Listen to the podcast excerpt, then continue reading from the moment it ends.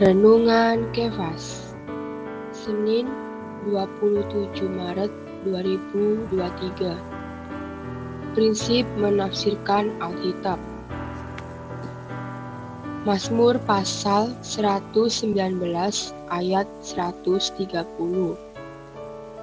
Bila tersingkap, firman-firmanmu memberi terang, memberi pengertian kepada orang-orang bodoh. Kita perlu melihat beberapa prinsip dalam menafsirkan Alkitab. Jika kita ingin mempelajari Alkitab, kita harus memahami Alkitab. Untuk memahami Alkitab, kita perlu menafsirkannya. Jika tidak ada penafsiran dan penjelasan, secara alami kita tidak ada jalan untuk memahami Alkitab. Kita tahu bahwa setiap hal memiliki prinsipnya. Semakin tinggi dan penting hal itu, semakin ketat hukum dan prinsip yang mengendalikannya. Alkitab adalah hal yang besar di alam semesta. Saya percaya selain Tuhan dan Allah kita yang mulia. Butir terbesar dalam alam semesta adalah Alkitab yang kita miliki di depan mata dan di tangan kita. Karena Alkitab begitu penting, kita perlu penafsiran yang tepat sebelum kita bisa mempelajari atau memahaminya. Penafsiran ini harus dikendalikan oleh peraturan, hukum, dan prinsip yang jelas.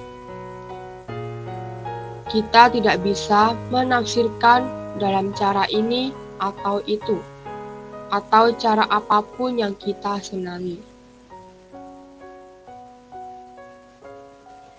Semua peraturan adalah seperti pelindung Jika kereta api tidak memiliki rel untuk berjalan, tidak hanya kereta itu tidak bisa berjalan dengan mulus, tetapi juga akan tanpa pelindung. Jika ada rel, maka kereta api akan berjalan dengan mulus dan memiliki perlindungan yang tepat. Sama halnya dengan mempelajari Alkitab jika seseorang mempelajari Alkitab dan menjelaskannya secara membuta dan ceroboh. Hasilnya tidak bisa dipercaya, bahkan berbahaya. Pikiran kita kadangkala tidak memiliki batasan. Amat bahaya jika seseorang menilai menurut apa yang dia pikirkan dan menafsirkan menurut kemauannya. Jika kita mau mempelajari Alkitab dengan tepat dan memahaminya dengan akurat, harus ada penafsiran yang penuh batasan. Jika kita mau pengembangan Alkitab yang penuh pembatasan, kita perlu menemukan prinsip dan hukum penafsiran Alkitab. Kita harus memegang erat fakta bahwa Ketika Allah memberi ilham kepada manusia untuk menulis Alkitab, Dia menggunakan kata-kata yang sepenuhnya dipahami manusia. Ketika kita mencoba memahami Alkitab hari ini, kita harus memahami pemikiran Allah secara ketat dan akurat secara harfiah. Kita tidak seharusnya berpikir karena Alkitab diilhamkan Allah, maka ia akan melampaui bahasa manusia dan karenanya terbuka bagi penafsiran rohani.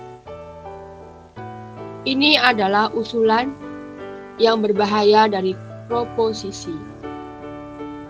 Kita harus menafsirkan Alkitab menurut makna harfiah dari tiap kata. Tidak peduli betapa sulit atau betapa tidak pada tempat kelihatannya. Kita harus dengan ketat berpegang pada arti harfiahnya.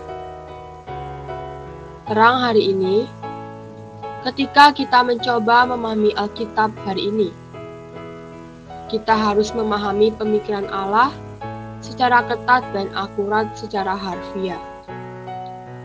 Poin doa Berdoa agar kita di dalam pengalaman membaca Alkitab, kita boleh menjadi orang-orang yang dapat memahami pikiran Allah.